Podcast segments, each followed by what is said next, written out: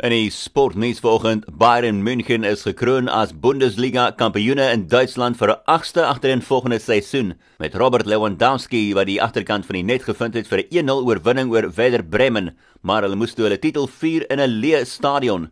Bayern se 11de agtereenvolgende Bundesliga oorwinning plaas hulle 10 punte voor Borussia Dortmund wat nog 3 wedstryde oor het.